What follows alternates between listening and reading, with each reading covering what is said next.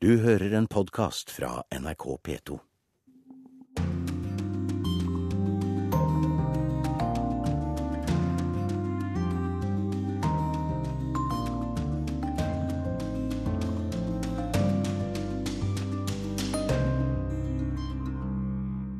En million hjem ble rasert i jordskjelvet i Nepal.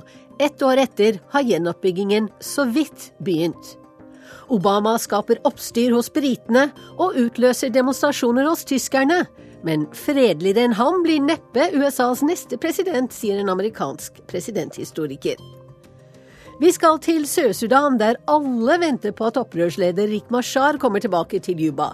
Freden står og faller på det. Hør historien om slavekvinnen som skal pryde 20-dollarseddelen i USA. Og i korrespondentbrevet er det katter som inntar hovedrollen. Vel møtt til Urix på lørdag, jeg heter Wenche Eriksen. Mandag er det ett år siden jordskjelvet i Nepal som kostet 9000 menneskeliv og raserte nær én million hjem. Men nå er naturkatastrofen i ferd med å bli erstattet av en menneskeskapt katastrofe. På tross av en enorm internasjonal hjelpeinnsats har gjenoppbyggingen i Nepal knapt startet. 33 milliarder innsamlede kroner står fortsatt ubrukt på konto, og for de overlevende er livet ett år etter at hus og eiendeler ble jevnet med jorden, en kamp for tilværelsen. It's smooth now to walk around and uh, to do the daily chores. You can follow me. Jeg traff Anil Shrestha akkurat her for nesten akkurat ett år siden. Nærmere bestemt på toppen av en stor rustrød mursteinshaug i landsbyen Sikaritar, som inntil 25.4 i fjor klokken 11.56 var Anils barndomshjem. Den rustrøde haugen ligger her enda, men skolebøkene og skoene og morens sminkespeil de er nå møysommelig pirket ut. De står i blikkskuret der familien bor nå, noen hundre meter unna. Going back, I mean, it was like a dream. I mean, all of a sudden everything collapsed. There was nothing. My box, uh, all of the things, my room where I used to sleep, the the, the thing, everything collapsed within a moment, and uh, that was like a dream. But the the hard time we faced uh, within this one year span of time, it has given us a lot of lesson that we need to get prepared for the future. Alt var som en drøm, forteller Anil. Men vi har lært av det at vi må være bedre forberedt for fremtiden. Familien til Anil Shrestha er tross alt ressurssterke.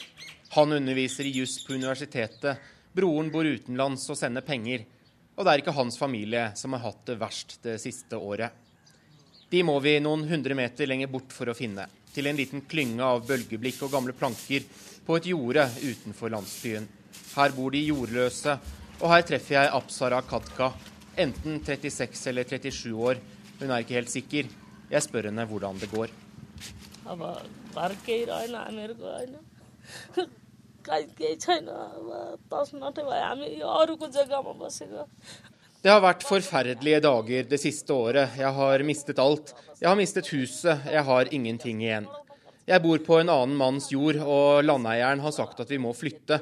Men jeg vet ikke hvor vi skal dra eller hva vi skal gjøre. Jeg tjener ingen penger, og jeg har ikke råd til noe nytt hus. Dessuten har jeg to barn som må på skole. Myndighetene her i Nepal har lovet 200 000 rupi i gjenoppbyggingsstøtte til de som har mistet huset i jordskjelvet. Men nå, et år etterpå, har ingen sett noe til pengene, som utgjør rundt 15 000 kroner. De 4,1 milliarder dollar som er samlet inn til gjenoppbygging, står fortsatt på konto. Nepals regjering har insistert på at alle pengene skal kanaliseres gjennom NRA, Nepal Reconstruction Authority, som først startet for en måned siden. Men for regjeringen er nok hovedprioriteten å putte mye av disse pengene i egen lomme, sier CK Lal, Nepals mest kjente politiske kommentator. Uh, probably much of uh, it will be siphoned off as usual. Uh, some of it may that will uh, not make much difference to uh, people's survival instinct. They will do it on their own. I don't have, uh, I don't put much faith on, on this four billion dollar or forty billion dollar or whatever for that matter. Mye av pengene blir nok skummet vekk som vanlig. Jeg har ingen stor tro på at 4 milliarder dollar eller 40 milliarder dollar eller noe pengebeløp vil gjøre noen stor forskjell for vanlige folks liv her. De vil måtte klare seg selv som de alltid har gjort, sier han. So I have full faith in Nepali people. You know, they have survived uh, earthquake, so they will survive this uh, man-made disaster brought Jeg har ingen tro på nepalesiske myndigheter, men jeg har absolutt tro på det nepalesiske folk, sier han over en kopp te i en av Katmandus mer velstående bydeler. For etter at jordskjelvet rammet, ble Nepal rystet på nytt av politisk krise. En sekulær grunnlov kom på plass i september i fjor, bare for å bli møtt av rasende protester. Madesiene sør i Nepal krevde at grunnloven skal anerkjenne Nepal som hinduistisk stat, og de har blokkert grensepostene mot India og dermed importen av både bensin og gass. Ett år er gått, og landsbyen Sikaritar er i likhet med resten av Nepal fortsatt en ruinhaug. Men hverdagen har tvunget seg frem nå. I det som var grunnmuren til et hus, har noen nå laget en åkerlapp og satt poteter. Anil Shresta håper fortsatt pengene til et nytt hus kommer, helst før en ny vinter setter inn her ved foten av Himalaya. Uh, I guess the government has promised that uh, before the rainy season start, I mean, it, it, it's still uh, nearly around three months to go. The rainy season will begin. Before that, if it, it, it is over, I mean, if the procedure is completed, then uh, people can at least start building their house uh, so that from the winter season they can live in their house peacefully. Sa Anil Kumar Shrestha til Asia-korrespondent Peter Svaar.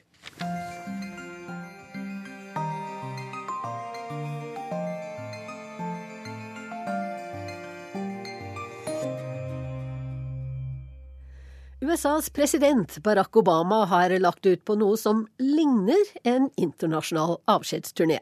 Fra Saudi-Arabia tidligere denne uken dro han til Storbritannia, og han skal videre til Tyskland.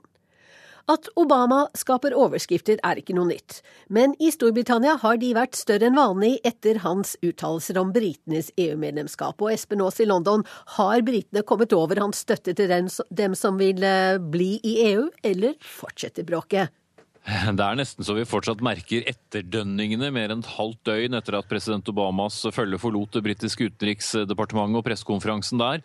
Nei-siden er rett og slett rasende og breier seg ut i radio, i aviser og TV. Sier at dette er en president på vei ut av Det hvite hus som kom ens ærende for å gjøre Cameron en vennetjeneste. Og det som særlig har fått oppmerksomhet, er en uttalelse som eh, vi også refererte til i Dagsrevyen i går, der Obama sa at Storbritannia ville bli stående bakerst i køen for å forhandle en ny handelsavtale med USA dersom de meldte seg ut av EU. Men formuleringen som Obama brukte, var 'at the end of the queue'. Som er noe man sier på britisk engelsk, mens på amerikansk engelsk så ville formuleringen ha vært 'the end of the line'. Og det har mange tatt som bevis på at Obama nærmest fikk et manus i hånden av Cameron, og dermed så er ropene høye. Så har dette hjulpet Cameron eller ikke? Det er jo en veldig viktig støttespiller å ha i Obama, eh, og samtidig så har også reaksjonene vært så sterke på den andre siden at det er et spørsmål om det nå kommer til å slå tilbake på nei-siden. Eh, Særlig London-borgermester Boris Johnson har fått kjeft fordi han antydet at Obamas delvise kenyanske opphav har gjort ham antibritisk, ettersom at Kenya var en tidligere britisk koloni. Han underbygget dette videre med at Obama hadde fjernet en byste av Winston Churchill fra det ovale kontoret da han ble president. Og da Obama fikk referert dette på pressekonferansen her i London i går, så var det helt åpenbart at han satte veldig lite pris på uttalelsen, og svarte med et ganske alvorlig blikk at eh, han erstattet den bysten med en av Martin Luther King, eh, noe som kanskje ikke var så oppsiktsvekkende, ettersom Obama jo var historiens første svarte president. Men da blir det kanskje ikke EU han skal snakke om senere i dag når han eh, møter britiske studenter? Jo, EU kommer nok fortsatt til å være tema. Det er eh, den hete teorien. Han skal snakke til en gruppe unge, som det heter, eller eh, flere studenter i Lindley Hall i Westminster. Uh, unge briter er kanskje de mest EU-positive. Problemet med unge briter er at de ikke alltid er så flinke til å gå og stemme. Så teorien er at uh, statsminister Cameron gjerne vil at uh, Obama vil kunne klare å skape litt glød i tanken om å fortsatt være en del av Europa. Takk skal du ha, Espen Aas i London. Og i morgen drar Obama videre til Hannover i Tyskland. Og vi skal også dit. Eh, Gurid Nordstrøm, du er på vei til Hannover fordi det skal være en stor demonstrasjon mot den amerikanske presidenten der i dag. Hva handler det om? Ja, jeg sitter nå på toget til Hannover, og her er det en del mennesker med bannere og plakater som da er på vei til denne store demonstrasjonen som starter klokka tolv, altså som er mot TTIP, altså handelsavtalen mellom EU og USA. Eh, Obama kommer hit i morgen som du sa, for å åpne en stor teknologimesse i byen. Og Et av hans mål før han går av som president, er jo nettopp å få gjennom denne omstridte avtalen, som da har særlig mange motstandere her i Tyskland. Fordi de bl.a. er redd for at multinasjonale selskaper skal få for mye makt, og at europeiske jobber skal eh, forsvinne. Nå har jo Barack Obama vært voldsomt populær i Tyskland, eh, særlig i begynnelsen av sin presidenttid, men den populariteten har sunket betraktelig nå. Hvorfor det? Ja, Det stemmer. Da han var eh, presidentkandidat, så hadde tyskerne enorme forhåpninger. 200 000 møtte den gang opp for å høre ham tale i Berlin. Eh, I 2013 så var det bare i underkant av 5000 som gjorde det samme. Mange her mener at han var jo en som vakte enormt stort håp og begeistring men som ikke innfridde. Og særlig så ble mange skuffa etter Edward Snowden-saken. Eh, flertallet av tyskerne ser på Snowden som, eh, som en helt. Men eh, likevel, i forbindelse med besøket nå, så skriver tyske aviser at når man ser på hvem som er Obamas potensielle etterfølgere, så var han kanskje ikke så ille likevel. Da sier vi takk til deg, Guri Nordstrøm, og du kommer til å rapportere fra Obamas besøk i Tyskland utover helgen. Obama er altså på noe som absolutt ligner en avskjedstur som har til hensikt å befeste sitt eh, utenrikspolitiske ettermæle. Han ble tildelt Nobels fredspris før han egentlig hadde gjort noe, men eh, hvordan har han egentlig oppfylt verdens forventninger til han som overtok etter George W. Bush? Spørsmålet går til professor John McNay ved Cincinnati-universitetet i USA. Han er nå gjesteforsker ved Nobelinstituttet, og temaet hans er amerikanske presidenter som velger fred framfor krig. Well, I think the expectations that people had for Obama on a variety of uh, fields uh, for the time. One thing I would say about him is that he uh, he's been under enormous pressure to take more aggressive action in the world. And, uh, you know, the United States um, has been involved in uh, different parts of the world for different reasons. And I think one of the things to keep in mind about um, President Obama is the enormous pressure that he was under to do something, say, to invade Syria, to invade Libya, to um, not sign a treaty with Iran, but to attack Iran. And um, when you understand the kind of pressure he was under to take far more aggressive action, I think the fact that he show, has shown such restraint uh, is really a credit to him. So you call him a president who has chosen peace? Yes, I think he would fit right in line with my uh, the presidents that I've been studying who have chosen peace in given circumstances. Um, and I think one of the reasons for this is his ability to think independently, uh, his willingness to overrule his advisors when uh, he feels he has to, uh, and also He's recently said that uh, in Washington there's uh, enormous community there of Washington think tanks and special advisors who have a playbook, and this playbook is to uh, recommend policy decisions to the president, and they almost always recommend militarized options. And uh, in the face of that, when someone operates outside the playbook, that is, doesn't take the military options that are recommended, uh, they get highly criticized. And of course, he has been highly criticized, especially by uh, more conservative elements in uh, American politics, especially some leading members of the Republican Party. But a lot of people, maybe here in Europe mostly, would say that he um, hasn't been that peaceful. I mean, drones are bombing in Afghanistan, and he's sending more troops back to Iraq, and he's bombing uh, the so called Islamic State in Iraq and Syria. Well, yes, and I think that's a, a good point to make that he has not um, been a dove necessarily. Uh, what he has done, however, when you compare, um, of course, it's easy to compare to the George W. Bush administration, who were enthusiastic about war. Uh, there's a far far different situation between using drones and uh, using hundred thousand ground troops to invade a country. Presset på Obama til å handle mer aggressivt har vært enormt i Washington, og det at han har vist tilbakeholdenhet, gjør ham til en president som har valgt fred, mener McNay. Eh, han sier at presidenten tenker selvstendig, overprøver rådgiverne sine og velger løsninger utenom de militære. Det gjør ham ikke til en fredsstue, men det er tross alt forskjell på å bombe med droner og å invadere et land med en hær på 100 000 mann, sier den amerikanske professoren. Of course, the big question on everyone's mind now is what's next? Who will be the next president of the United States? How will that change American foreign policy? Yes, and here you've got a situation of uh, Donald Trump who knows so little about the world. Uh, it's just really kind of startling how little he does know. Uh, when he was asked for his foreign policy advisors, uh, he said he consults with himself and uh, that he's got a good brain and since then, he's tried to surround himself with some people with some foreign poly- policy experience, but really none of them uh, really are a positive uh, uh, uh, factor, I think. And what about Clinton? Well, I think uh, she'll certainly have an international viewpoint, and she does know a lot about the rest of the world, and I think that's an important thing. Um, in contrast to Obama, though, she has she has a reputation for being much more hawkish on foreign policy issues, and I think that that's the kind of thing we're going to be looking for if she's elected president. That uh, in these situations where Obama has tried to exercise restraint, uh, we may not see so much restraint from Hillary Clinton. Ja, professor John McNay tror at Hillary Clinton blir USAs neste president, og at hun vil føre en mer aggressiv utenrikspolitikk enn Obama.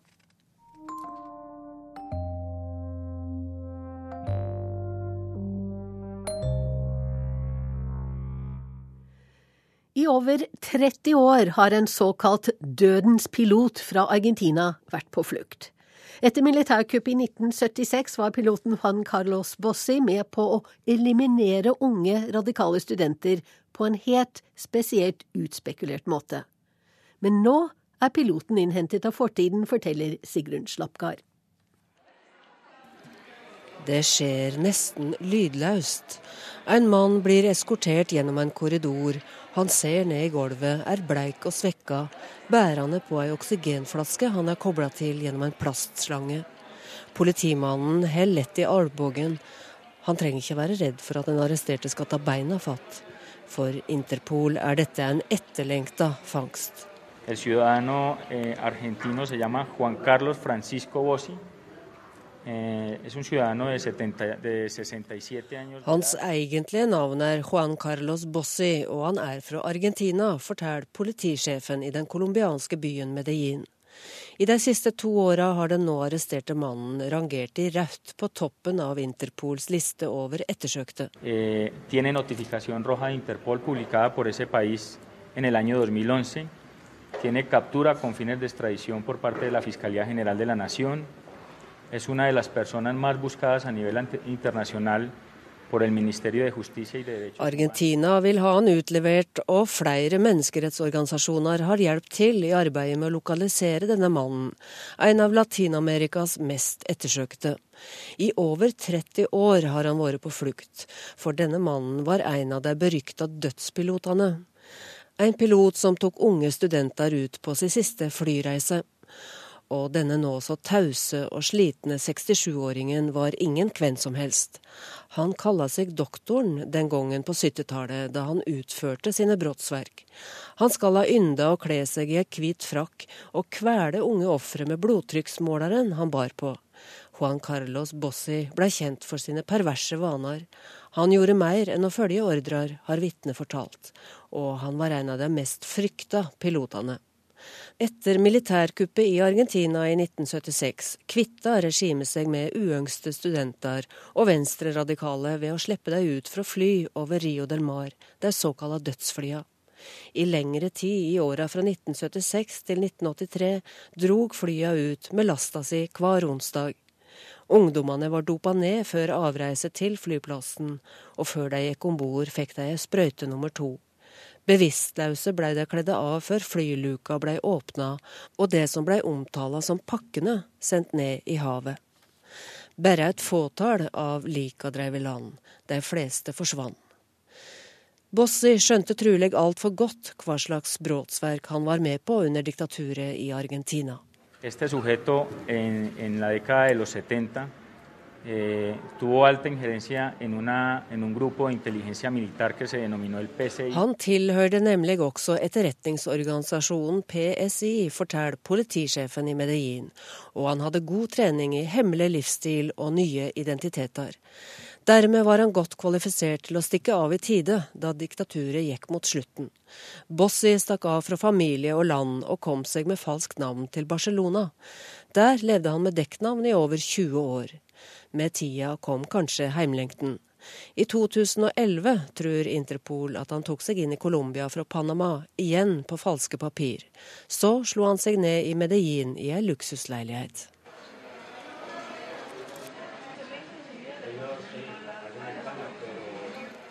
Det summer rundt den arresterte, men mannen løfter ikke blikket mot pressa og kamera. For han som kalla seg doktoren, har sjøl blitt pasient med pustevansker. Den lenge ettersøkte dødspiloten ble arrestert på vei til legen i Medellin. Bossi skal ha lungekreft, men har levd et brukbart liv i et av Medellins beste stråk de siste par åra. Han hadde minst fem ansatte i den store bostaden. I halvannet år nå har colombianske Interpol-agenter overvaka doktoren i Medellin. De venta på en sjanse til sikker identifikasjon og følgde med til legen. Der måtte dødspiloten svare på spørsmål fra den ekte doktoren, og røpa deretter sitt argentinske opphav. Nå venter avhør og formaliteter før han kan bli utlevert til Argentina. Der har kollegaer av dødspiloten tidligere fått straffa si, på samme måte som flere av de ansvarlige for forsvinninger og drap har fått sine straffer de siste åra. I Buenos Aires venter også bestemødrene til de unge som forsvant, og de gjenfunne barna som ble stålne fra de drepne. Det er mange som gjerne vil sitte på benkene i rettssalen og se dødspiloten stå til rette for sine ugjerninger. I over 30 år har bestemødrene på Maiplassen arbeid for å oppklare forsvinningene. Trulig var det i alt så mange som 30 000 som ble torturerte, drepne og forsvunne i det som er kalla Argentinas skitne krig. Men med utleveringa av Bossi kan det ta lang tid. Det kan ta så lang tid som åtte måneder, og nå er det dødspiloten som har det travelt. Han har kanskje ikke lang tid igjen, og han har bedt om å bli utlevert omgående. Jeg vil se familien min før jeg dør, skal han ha sagt til avisa Herald i Buenos Aires. Det er et ønske fjernt fra slik han sjøl tenkte da han tok unge liv for 30 år siden.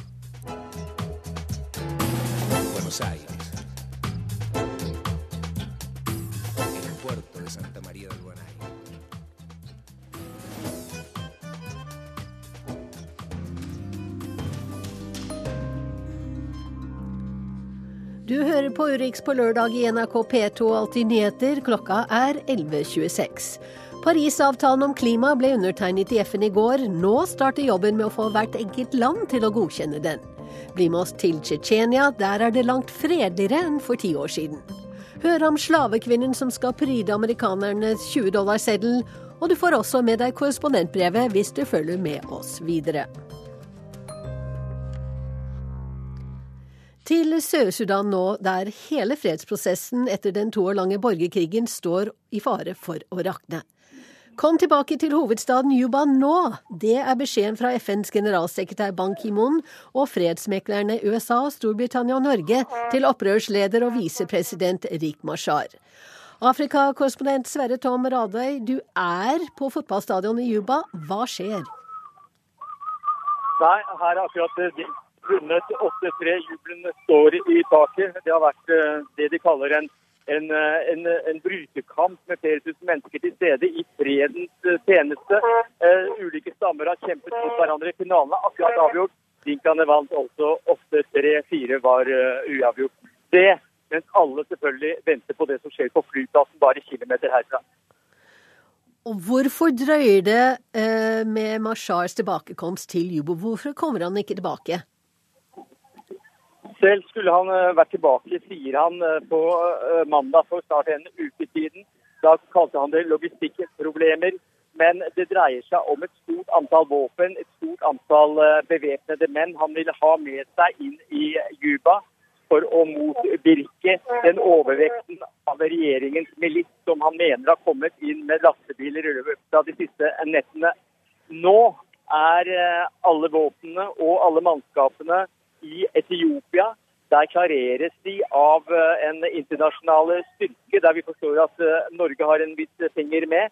For å si noe om dette er innen det den sørsudanske regjeringen har sagt de kan godta.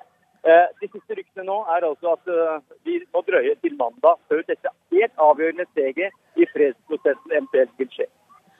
Men hva sier folk, eh, vanlige folk som du snakker med i Juba, hva sier de om at fredsprosessen står i fare nå? Nei, her i Juba så er folk fortvilet over hele fredsprosessen, som har stått i stampe siden den ble Eh, satt skikkelig i gang i august med underskrivelsen av, eh, av fredsavtalen, eller fram til fredsavtalen. I Juba er det en svært spent situasjon. Eh, vi går ikke ut etter mørkets frembrudd. Flyplassen er stilt opp en stor sikkerhetsstyrke.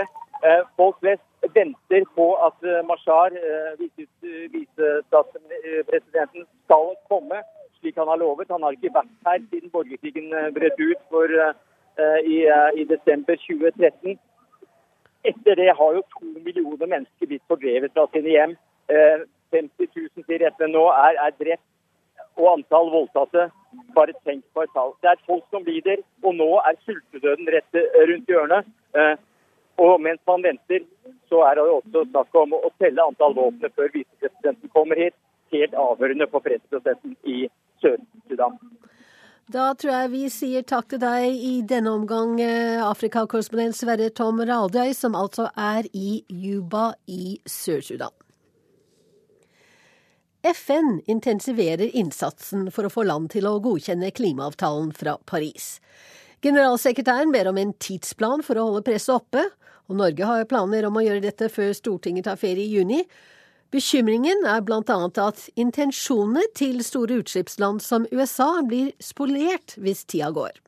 Anders Tvegård har sendt oss denne rapporten fra FN. Igjen henger helikoptre lavt over FN-hovedkvarteret på Manhattan, mens store, svarte biler med blålys og sikkerhetsvakter hengende ut vinduene ruller opp Førsteavenyen her i New York. Det er kø for å komme seg inn, og inne er det kø for å signere en ambisiøs klimaavtale som ble forhandlet fram for fire måneder siden. I'd like to extend my warm welcome to all of on this en historisk dag, sier FNs generalsekretær, og setter i gang seremonien der rundt 175 land får 40 sekunder hver til å signere og forplikte seg til avtalen om en mer klimavennlig utvikling. Bare 30 stats- og regjeringssjefer dukket opp. De fleste stilte med utsendinger på lavere nivå, men det betyr ikke at festrusen fra Paris har lagt seg, sier Norges sjefforhandler Aslak Brun. Det er et veldig høyt nivå til å være en uh, symbolsk politisk handling. Uh, det er en signering, det er ikke noe som skal forhandles nå. Uh, det er nesten som å være tilbake i Paris ved åpningsdagene, hvor det var den ene kjente fjeset fra TV-ruta etter den andre som gikk forbi. Inne i FNs storsal har utenriksminister John Kerry tatt med seg sitt to år gamle barnebarn på armen. USA signerte også Kyoto-protokollen, men den ble aldri ratifisert. Denne gang er avtaleteksten annerledes, slik at USAs president kan omgå Kongressen og bruke sine egne fullmakter. Jeg tror nesten ikke man kan overdrive USAs betydning. Det store spørsmålet er landenes evne til å gjennomføre det de nå har skrevet under på, og som de skal iverksette hjemme, sier Brun.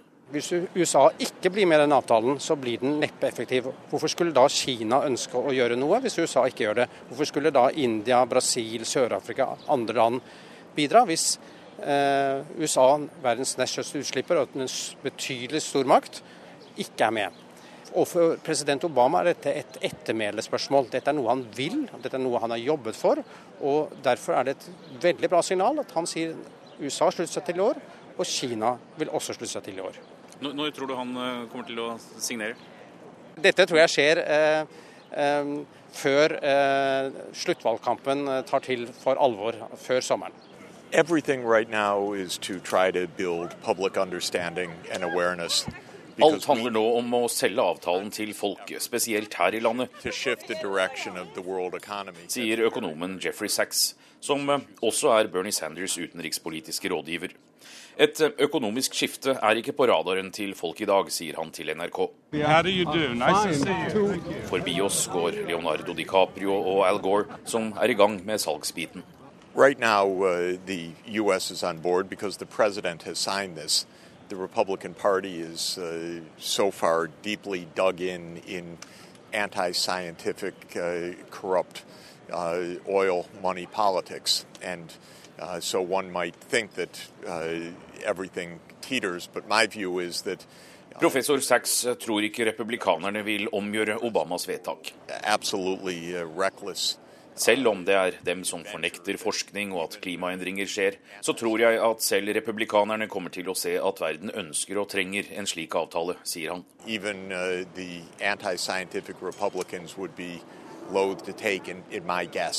Mogens Lykketoft bare håper professor Sachs har rett. Den tidligere danske utenriksministeren er sjef for FNs presidentskap, som bl.a. leder arbeidet med klimasaken. Han frykter det politiske klimaet her i USA, med en aktiv høyesterett og politikere som vil sabotere. Problemet med det her land er jo at Høyesterett har faktisk bremset den amerikanske del av innsatsen en smule allerede. Øh, og, og vi har republikanske presidentkandidater som fornekter klimasaken som et problem. Og Det ville være ødeleggende for avtalen hvis det var det der synspunkt der seiret. Det haster å gjøre noe, er budskapet. Her i FN er det flere nå som håper at Parisavtalen kan tre i kraft allerede i år eller neste år, hvis USA og Kina går foran. Opprinnelig er målet 2020, men når 55 land som står for 55% av klimagassutslippene har ratifisert og godkjent avtalen, så er den gyldig. Det kan ingen fornekte. Anders Tvegård, New York.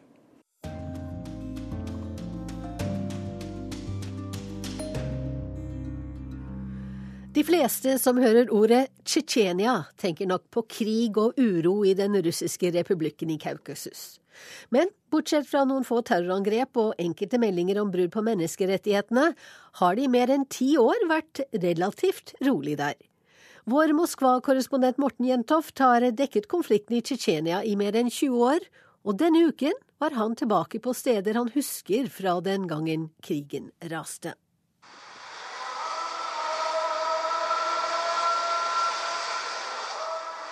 De er kraftige og kommer ofte midt på natten. Bønneropene fra den store, sentrale moskeen i den tsjetsjenske hovedstaden Grosny. Selv hører jeg dem fra hotellrommet på Grosny City Hotel. En del av en helt ny bydel med høyhus som er bygd opp på østsiden av Sunja-elven, som henter vannet høyt oppe fra de kaukasiske fjellene. Moskeen bærer navnet til Ahmed Kadyrov, den tidligere muftien som overtok som president etter at de russiske styrkene til slutt tvang de tsjetsjenske opprørerne i kne i 2000. I dag heter hovedgaten forbi hotellet mitt også Kadyrov-prospektet. Litt lengre borte, forbi det store torget i Grosny, skiftet den navn til Putin-prospektet. Det var Russlands president Vladimir Putin som utnevnte Ahmed Kadyrov til leder i Tsjetsjenia. Og etter at Ahmed Kadyrov ble drept i et attentat 9. mai 2004, overtok hans sønn Ramzan ledelsen av republikken. Og det er fremdeles Ramzan som med hard, men bestemt hånd styrer de 1,2 millioner tsjetsjenerne, og får æren for en bemerkelsesverdig forandring fra krig og ødeleggelse til et samfunn som har vokst opp som en slags fugl føniks fra asken.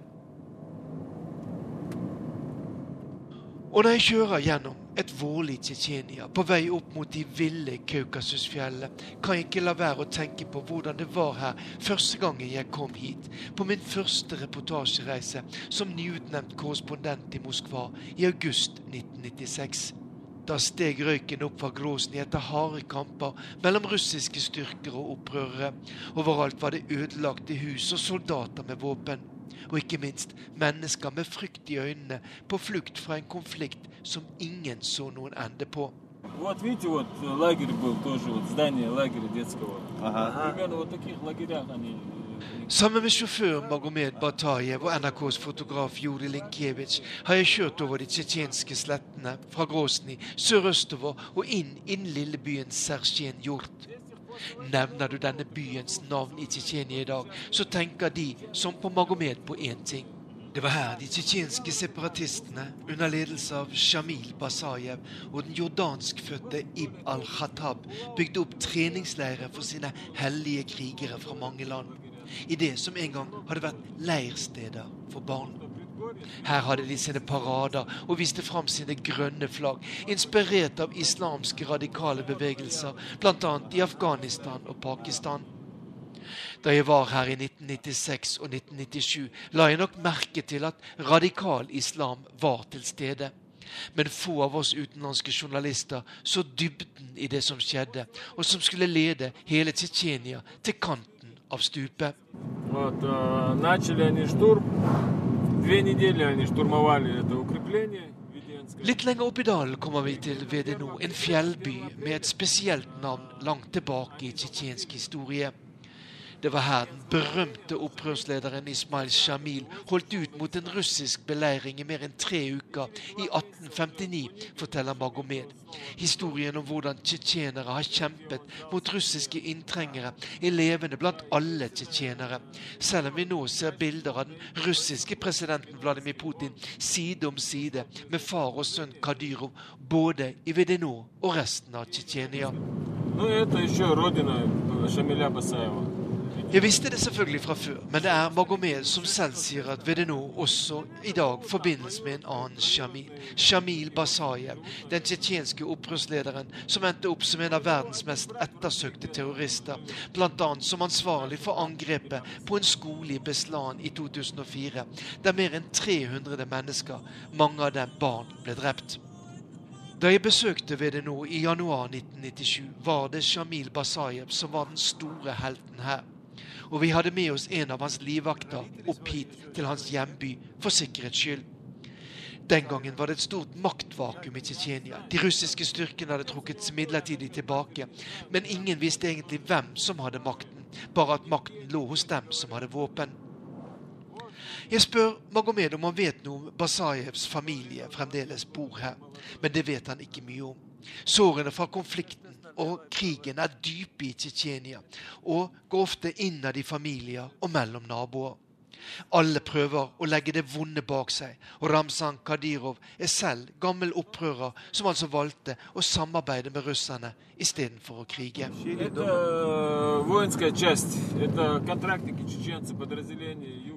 Magomed peker mot et stort bygningskompleks på venstre siden av veien, midt oppe i bebyggelsen i Vedeno. Dette er en base for en av avdelingene til innenriksstyrkene som heter Sør, og den består av tsjetsjenere, forteller han. Dette er nok noe av nøkkelen til den tilsynelatende suksessen som Putin og Ramzan Kadyrov har hatt med å stabilisere situasjonen i Tsjetsjenia. Mange tidligere opprørere har gått inn i nye tsjetsjenske avdelinger, som formelt er en del av det russiske politiet og militærvesenet. For tusener av tsjetsjensk ungdom er dette det eneste alternativet. For både her i Vedeno og i resten av Tsjetsjenia er det lite nye arbeidsplasser som har blitt skapt av de enorme pengeoverføringene som har kommet fra Moskva de siste 15 årene.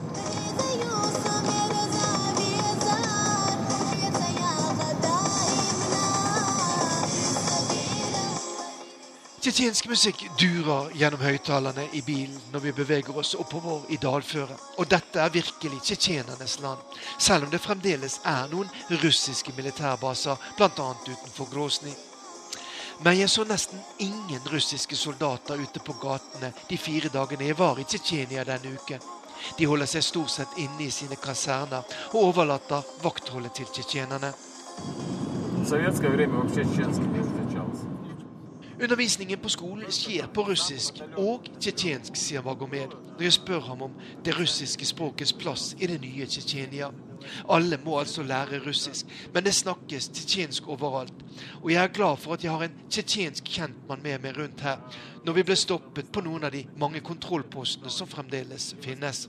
Det er altså tsjetsjensk språk i skolen og moskeer overalt. Det er ingen tvil om at tsjetsjenerne har oppnådd mye av det som de med våpen i hånd kjempet for på slutten av 1990-tallet. Ну да, две военные кампании последние я прожил в Чеченской республике. Når vi endelig er oppe i nesten 2000 meters høyde ved den grønne fjellsjøen Gezenoi Am, er det derfor en fornøyd Magomed Batayev som slår fast at han, som levde her gjennom to kriger med russerne, har fått oppleve det som vi ser nå. Et fredelig Tsjetsjenia som faktisk seriøst også satser på turisme som levevei. Her oppe er det bygd opp et stort hotellkompleks, og det i et område der opprørerne beveget seg rundt bare for vel ti år tilbake. Tilbake i bilen er det igjen fullt trøkk med lokalmusikk mens vi smyger oss nedover fjellsidene, forbi Vedeno og tilbake til Gråsni. Vi vet at mange tenker sitt når de hører ordet Tsjetsjenia, sier Magomed Batayev. Men selv om ikke alt er perfekt, så ser vi som har levd med krig og konflikt, at det virkelig har gått framover.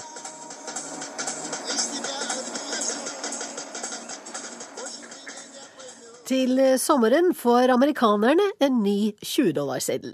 Bildet av president Andrew Jackson skal erstattes med portrettet av, portrettet av Harriet Tubman.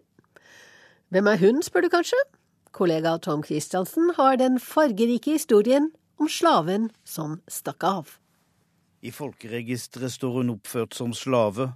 I leksikon kalles hun borgerrettsaktivist. Foreldrene var slaver. Som barn opplevde hun at tre av brødrene ble solgt til en plantasje langt fra Maryland, der de vokste opp. I fortellingene om Araminta skjønner du fort at hun var helt spesiell. Allerede som tenåring var hun i fullt arbeid, og hun sloss med sin mektige slaveeier. Hun påtalte overgrep og gikk imellom da andre ble mishandlet. Hun blandet seg en tidlig morgen og ble banket opp fem ganger før frokost. Hun bar arr etter slagene for resten av livet, ryggen lignet en slagmark. Hun kan ikke ha vært enkel, og hun har hatt en trass og et mot som andre undertrykte manglet. Etter hvert brukte hennes eiere grovere midler. En formann slo henne i hodet med en jernstang. Det ga henne hodepine for resten av livet og gjorde henne til epileptiker, kanskje også til magiker. Hun hadde syner, og folk trodde hun kunne spå om framtida. Gud talte gjennom Araminta. I 1849 døde hennes eier. Da rømte hun og skiftet navn til Harriet etter sin avdøde mor. I fristaten Pennsylvania bestemte hun seg for det som 160 år seinere skal bringe hennes portrett til en dollarseddel. Harriet organiserte det som ble kalt The Underground Railroad, en slags fluktens undergrunnsbane for frihetslengtende slaver. Det var ruta for dem hun hjalp å rømme, og som ville følge hennes eksempel. Hun dro tilbake til Maryland og fikk med seg slektningene, deretter naboene og til slutt hundrevis av mennesker som tok sjansen.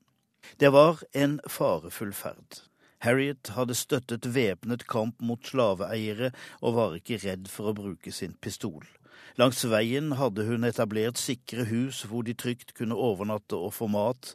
De tok seg fram om natta. Så ble hun i undergrunnen bare kalt Den svarte Moses. Raselovene ble endret, men det var fortsatt farlig å oppholde seg i delstater som på papiret hadde avskaffet slaveriet.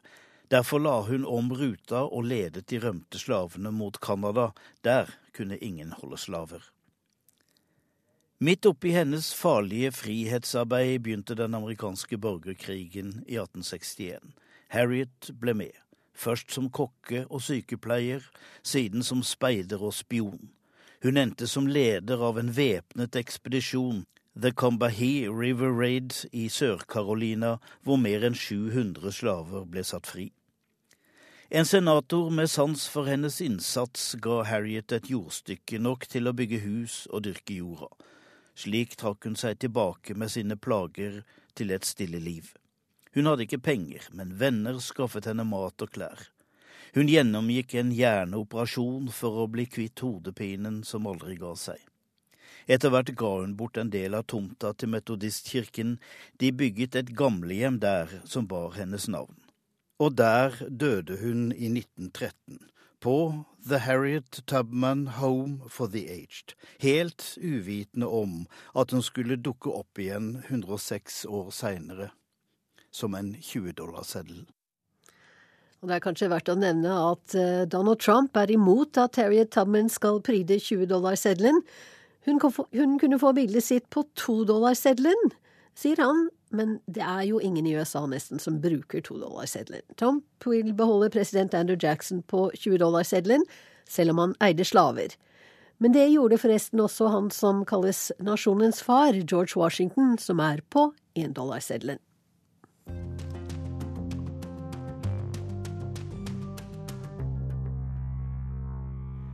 Ukens korrespondentbrev kommer fra Kristin Solberg i Istanbul. Både katter og mus har gitt trøst til henne på farlige steder, så hun er en sann dyrevenn, det kan det ikke være tvil om. Jeg møtte nylig en gatekatt med forkjølelse. Det var ikke alvorlig, pelsen var enda svart og skinnende, øynene årvåkne og nysgjerrige, men hun nøs. Antagelig hadde noen gått forbi henne på gaten, hørt lyden av et nys og tenkt slik kan hun ikke ha det. Jeg må ta henne med til veterinæren. Noe som ikke ville vært uvanlig i mitt nabolag i Istanbul. Da jeg møtte katten, fikk hun antibiotikakur, pleie og kjærlighet hos en ung kvinnelig veterinær på en liten klinikk. Mange tar med gatekatter hit, sa veterinæren mens hun renset øyne og nese på katten. Istedenfor å kjøpe et eget kjæledyr, bruker de penger på gatekatter, mange foretrekker å vise kjærlighet til et dyr fremfor en person. For mange stoler ikke på en annen person, men de tør å vise kjærlighet til en katt, fortsatte hun. Klinikken hennes gir 30% rabatt til dem som kommer med gatekatter. Og pasientgruppen står for hele 70% av alle behandlinger. Det er med andre ord en helt vanlig klinikk i nabolaget Jihangir, kjent for sine gatekatter. Nå som været skifter, kommer de fleste inn med forkjølelse, fortalte veterinæren. Men det var også andre lidelser. En av dem hadde balanseproblemer, en annen en øyeinfeksjon, og en tredje hadde nettopp fått kattunger. Jeg besøkte veterinærklinikken denne uken for å lage reportasje om nettopp gatekatter. Det er et uvanlig tema for meg. Jeg rapporterer langt oftere om kriger enn om katter. Men jeg vet hva jeg foretrekker. Sjelden har jeg smilt mer på jobb. Ideen kom da en av sjefene fra NRKs utenriksredaksjon besøkte meg i Istanbul. Noe av det første hun påpekte, slik de fleste besøkende her gjør, var hvor mange katter som er her. Og hvor velpleide og velfødde og velintegrerte i nabolaget de er. Hun foreslo en reportasje, et forslag hun sto ved også etter at en gatekatt hadde tisset på kofferten hennes. Jeg ble ikke umiddelbart overbevist.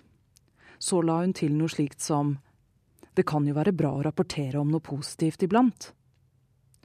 Og altfor ofte rapporterer jeg om triste hendelser. Jeg beskriver oftere avrevne kroppsdeler enn to katter som koser seg sammen i solen. Det er antagelig ikke sunt. Derfor en reportasje, og dette brevet. Egentlig er det en egoistisk handling. Men fenomenet er spesielt. I Jihangir er gatekattene nabolagets felles kjæledyr. De ligger og soler seg på biltak eller på motorsykkelseter. Jeg har hørt historier om mennesker som tok kollektivtransport til jobben fordi de ikke ville vekke katten som sov på kjøretøyet. Andre katter har rullet seg sammen til en ball på et fang på en av de mange kafeene, der de i tillegg til klapp og kos får en matbit eller ti. Det er ikke det eneste stedet der de blir født. Restauranteiere legger ut rester, og på gatehjørner står alltid rene og velfylte skåler med tørrfôr, kylling eller lever. Hva losji angår, er det satt opp kattebokser flere steder i byen. Noen er faktisk et kommunalt tilbud fra Istanbul by. Disse er som kommunale boliger flest, gjerne i flere etasjer, litt trauste og med lite spennende arkitektur. Andre er private initiativer, innredet med pledd, og gjerne med en inskripsjon av slaget Home Sweet Home. Og de er etter hvert blitt kjente. Emneknaggen Cats of Istanbul er velbrukt på Instagram og Twitter. der bilder av de aller søteste legges ut. Cool Cats of Jihangir er en egen Facebook-side for adopsjon og informasjonsdeling om gatekatten i mitt nabolag. Fenomenet er blitt omtalt i internasjonale medier. Og nå er det nylig kommet en dokumentar om Istanbuls katter. På tyrkisk heter den kedi, som rett og slett betyr katt. Jeg har pleid å undre. Hvor kommer de fra, alle kattene? Og hvorfor blir de behandlet så pent akkurat her? Noen sier det har vært slik lenge, også da Istanbul var hovedstad for det osmanske riket. Det hadde med rottene å gjøre, sies det. Andre sier det bunner i islam. Profeten Mohammed skal ha vært glad i katter. Jeg spurte Hamdi Akgun. Han kalles også Baba Kedi, altså kattenes far. Han er 81 år og har et åpent, sympatisk ansikt, pressede bukser, vest og jakke. Den pensjonerte regnskapsføreren har fòret katter hver dag i over 45 år. De kjenner ham godt. Når han går gjennom de brosteinsbelagte gatene, følger de etter ham med halen rett til værs. Når jeg fòrer dem, føler jeg fred, sa han. De er bedre enn mennesker, mer lojale. Det er merkelig, men sant, fortsatte han. Det var kanskje den gunstige sammenligningen med mennesker som gjorde at jeg med ett husket et øyeblikk fra en annen jobb. Da rapporterte jeg gjennom krig, eller i det minste ettervirkningen av den, jeg snakket med en som hadde overlevd folkemordet i Rwanda, mens hele familien hans var blitt utslettet. Vi satt i solen og spiste lunsj, og praten gikk over i det vi fant ut var en felles frykt for aggressive hunder. Vi utvekslet historier om hunder vi var blitt bitt av. Praten gikk lett. Men hunder kan du beskytte deg mot, sa han så. Det er verre med mennesker. Etter det ble det stille. Kanskje er det noe i det.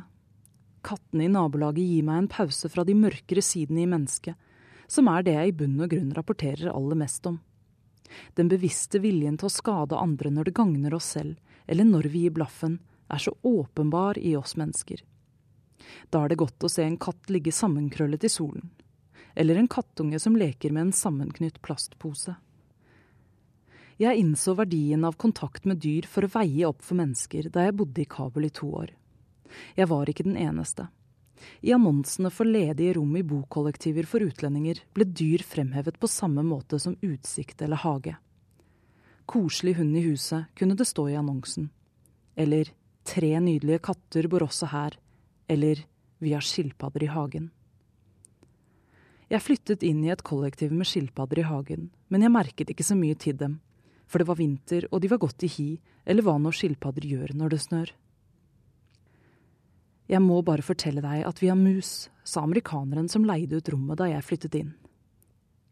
Han mente da som skadedyr, ikke som kjæledyr. Lite visste jeg at for meg skulle det bli motsatt. Vi pleide å ha to, fortsatte amerikaneren. Men den ene ble sittende fast i tredemøllen og klemt i hjel. Nå har vi bare én igjen, og tredemøllen er ødelagt. Jeg var alene hjemme i noen uker, og det var en tøff tid. Jeg hadde vært lenge og kontinuerlig i byen. Jeg visste det, for jeg blødde neseblod ofte. Kabul var i såkalt lockdown. Det betød at faren for angrep var så stor at utlendingene ikke fikk lov av sine arbeidsgivere å forlate sine hjem. Denne gangen skyldtes det at noen soldater hadde brent en koran på flybasen Bagram. Det førte til protester. Mennesker var blitt drept. Noen regelrett avrettet på kloss hold på sine godt sikrede arbeidsplasser. I tillegg var det februar og mange minusgrader ute. Inne var det ikke mye bedre, for huset var gammelt og trekkfullt. Jeg sov med to ullgensere, lue og skjerf, og våknet opp med frostrøyk fra munnen. Jeg tilbrakte derfor døgnet i en radius av en meter fra gassovnen på soverommet.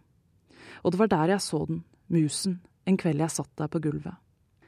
Den kom trippende mot meg, engstelig og på vakt, med de løvtynne, nesten gjennomsiktige ørene rett opp. Den gikk noen centimeter framover, så stanset den og så på meg igjen. Da den følte seg trygg nok, gikk den fremover igjen, og slik fortsatte det til den satt ved siden av meg i varmen fra ovnen. Antagelig var den også kald. Antagelig var den også ensom, i og med at vennen hadde lidd en brå død i tredemøllen. Vi ble sittende slik, side om side, i en god stund. Under vanlige omstendigheter ville jeg kanskje ikke ha vært så komfortabel med det, men dette var ikke vanlige omstendigheter. Utenfor døren var det krig, mennesker gjorde ting mot hverandre som jeg ikke ønsket å tenke på.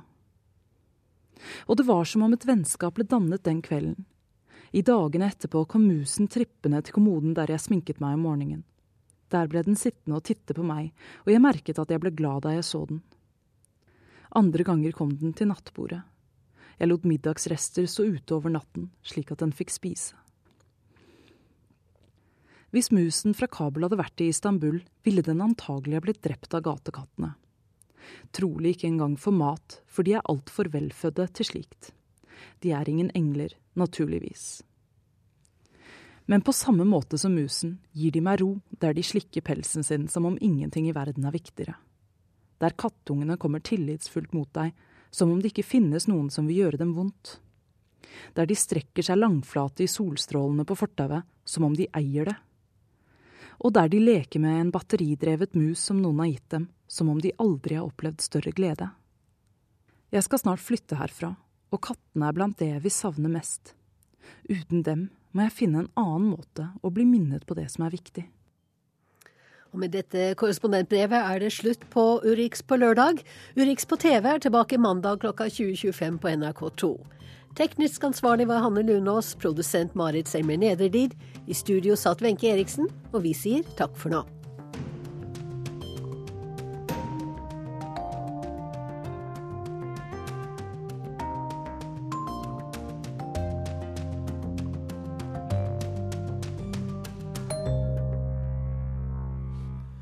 Du har hørt en podkast fra NRK P2.